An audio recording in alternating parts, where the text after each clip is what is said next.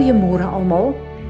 Wat 'n voorreg het ons net nie om vandag weer in die woord van God in te gaan en toe te laat dat hierdie woord ons leer, dat die woord ons was, dat die woord ons vorm, dat die woord ons heilig en reinig sodat in ons en deur ons lewe in vervulling kan kom sy plan wat hy ons voorgeskaap het, maar ook as 'n getuienis in hierdie wêreld. Ons gaan aan met hierdie wonderlike gebed wat Jesus kom bid het.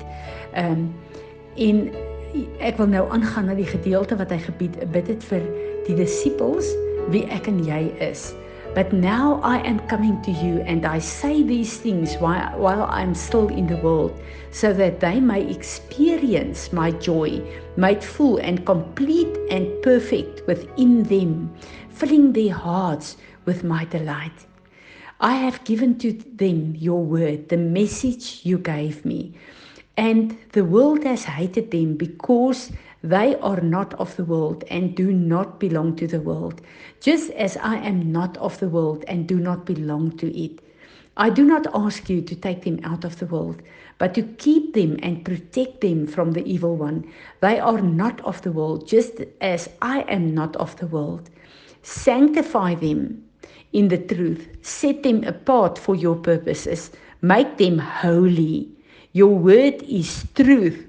Just as you commissioned me and sent me into the world, I have also commissioned and sent them as believers into the world. For their sake, I sanctify myself to do your will, so that you, uh, they also may be sanctified. Set apart, dedicated Make holy in your truth. Wat 'n kragtige gebed het hy net nie hier vir ons kom bid nie. Hy sê dat die tyd wat hy op aarde was, waar hy fisies saam met die disippels geloop het, het hy sy woord uitgeleef en deur sy woord te leer en te sien, het hulle harte gevul met blydskap en dankbaarheid. Kon hulle sien hoe die woord in werking kom dat dit nie net 'n geskrewe woord is nie maar dat Jesus vir ons die woord kom demonstreer het. En reg van die begin af weet ons terwyl Jesus homself en die woord van God op aarde openbaar het was daar dadelik 'n vervolging ons weet dat die vervolging gelei het tot op 'n plek waar hy doodgemaak is vir hierdie woord wat hy kom demonstreer het. En ek en jy moet nie ontmoedig word. Ons sit met die situasie dat baie van ons se families en vriende sit vas op 'n plek van godsdiens waar hulle godsdiens uh met 'n godsdiensorde en reëls vir hoe God gedien moet word aanhang en waar hulle sekere gedeeltes van die woord verwerp omdat dit hulle image in die wêreld uh nie goed doen volgens hulle geloof nie. En waar die Heilige Gees nie toegelaat word om die woord in en in en deur hulle vir die wêreld te demonstreer nie. En sonder die Heilige Gees van God kan ek en jy nie die lewende woord wees nie want wat my en jou verbind aan Jesus en aan Vader is sy gees wat in ons woon en daarom weet ons dat die gawes van die Heilige Gees wat hy deur ons wil laat werk as ministers in hierdie wêreld as uh, predikers in hierdie wêreld as counselors in hierdie wêreld. Die gawes van God deur die Heilige Gees is wat mense nader trek, wat mense kan verander. Nie ek en jy met ons vlees nie. Die oomblik as ons met ons vlees probeer die woord van God verkondig, dan kom 'n godsdiensgees en bring jou op 'n plek waar as jy sekere reëls nakom, is jy 'n goeie kind van God. Maar jy moet jou eie lewe op 'n plek stel waar jy godsdienstig kan lewe. En die Heilige Gees van God en sy gawes word bedroef en eh, weggestoot. En hierdie is so 'n hartseer plek want ek en jy het die lewende woord Jesus Christus wat in ons harte ingegrafieer is deur ons wedergeboorte en die wêreld so ons vriende en baie van ons familie gaan letterlik ons haat Hulle gaan dink ons is 'n misleiding. Hulle gaan ons verwerp, hulle gaan ons vers, uh, bespot. Maar hierdie het reg van die begin af gebeur, ook met Jesus en dis eintlik 'n teken dat die waarheid van die woord in ons gestalte het. En Timoteus skryf in 1 Timoteus 3 dink ek dat as jy 'n vrug van God in hierdie wêreld het, dan gaan jy vervolg word.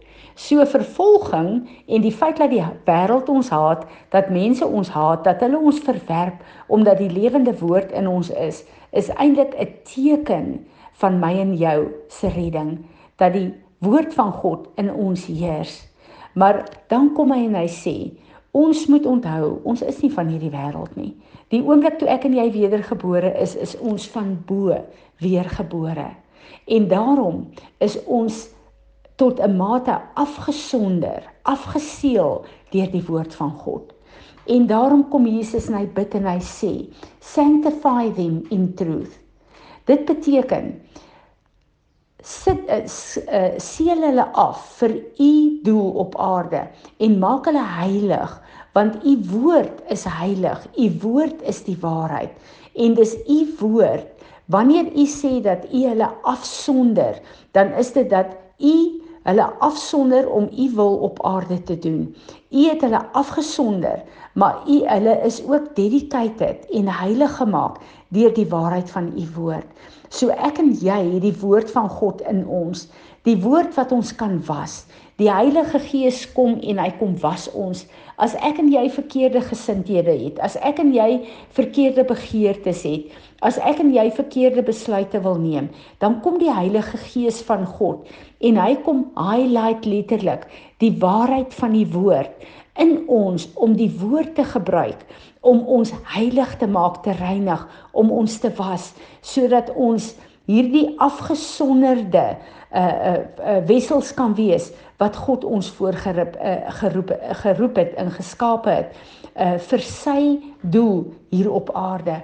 En dit is so wonderlik dat Jesus dit vir ons bid en sê dat sy woord wat in ons is, het die mag om ons te heilig te reinig, om ons te was, om ons afgesonder te hou, maar ook om ons te bekragtig. Want ons is is gekommission deur hierdie woord. Ons is bekragtig deur hierdie woord om in die wêreld te wees dit wat hy gestuur het om uh, ons gestuur het om te wees. En daai bekragtiging beteken dat die volle woord van God wat in my en jou is, daai onverganklike saad wat ons kry met ons wedergeboorte wat die volheid van Jesus is, wat die volheid van die woord is. Ek en jy het daai saad en die oomblik wanneer dit nodig is om die krag van daai woord te manifesteer in dit wat ek en jy doen daagliks dan het ons die Heilige Gees van God wat vanuit hierdie hele woord van God wat in ons hart ingeskryf het, die woord na vore te bring.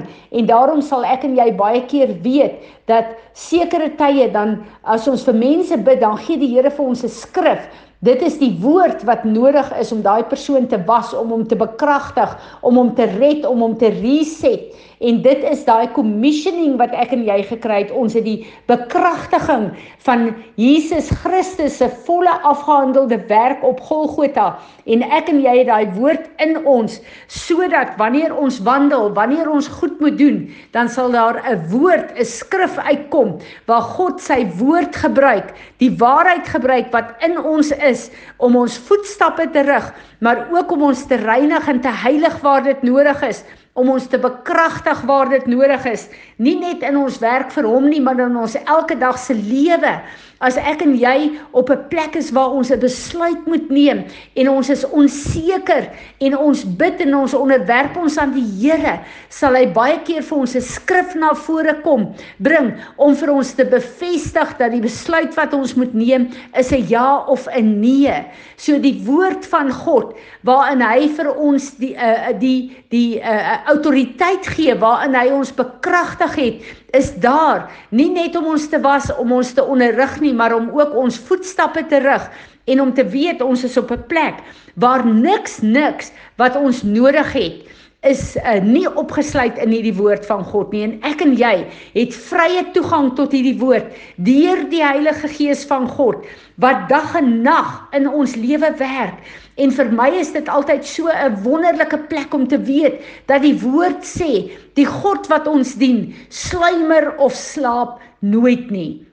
So ek en jy wat in ons liggame tye van slaap en rus ingaan, selfs in hierdie tyd hou hy die wag oor ons en ons kan in die middel van die nag opstaan en ons kan 'n onrus in ons hê of ons kan 'n antwoord soek op sekere goed wat ons moet deurleef of besluite wat ons moet neem en ons God is daar.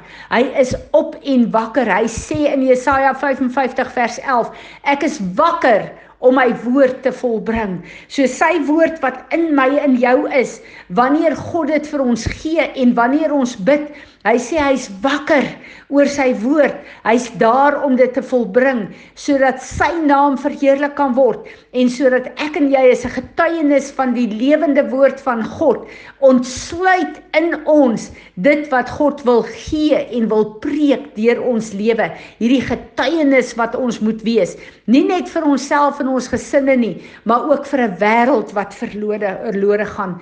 Wat 'n kragtige gebed wat hy gebid het. Wat 'n kragtige plek wat ons het met sy commissioning wat hy vir ons gegee het. Ek bid dat die Here vir ons sal lei al hoe meer en meer om dit te verstaan en om dit te gebruik en om hierdie plek te ontsluit waar ons dit meer en meer sal gebruik tot sy eer. So Vader, wanneer ons kom vandag, dan buig ons in aanbidding. Here Jesus, Heilige Gees, ons God drie-enig. Jesus, U wat vir ons gebid het op aarde, maar U wat nie opgehou het om te bid nie. U sit aan die regterhand van ons Vader waar U intersessie doen vir ons nog steeds dag en nag. Dankie dat ons kan buig in aanbidding voor U. Ons bid Here dat U sal kom, Heilige Gees, U Gees van 'n uh, onderskeiding van verstaan van openbaringskennis. Ek bid dat U sal kom met U sewevoudige werking dat U vir ons die openbaring sal gee van wat in hierdie woord staan, wat Jesus vir ons gebid het, sodat U vir ons die kennis sal gee daarvan, sodat U vir ons die onderskeiding sal gee in elke plek in ons lewe, maar dat ons onsself sal onderwerp aan U werking om vir ons te kom leer om vir ons te kom wys, om ons te kom was met hierdie woord, om ons toe te rus, Here, om ons te kom enlarge. U sê dat u ons wil uh, kom enlarge. Ek wil Jesaja 54 voor u bring en u herinner dat u sê ons moet ons tentpenne uittrek en dit vergroot. Ons wil hierdie oggend kom, Here, ons wil ons tentpenne kom uittrek. Ons wil dit kom vergroot, Here, sodat ons verstaan van u, ons ervaring met u kan vergroot in kapasiteit, Here, sodat u u self al meer en meer aan ons kan openbaar om ons toe te rus, om ons te bekragtig om op aarde te lewe en die werk te doen wat U ons geroep het om te doen. Ons bring aan U die lof en die eer en die aanbidding van ons harte. En ons wil sê aan U behoort die koninkryk, die krag en die heerlikheid tot in alle ewigheid. Amen.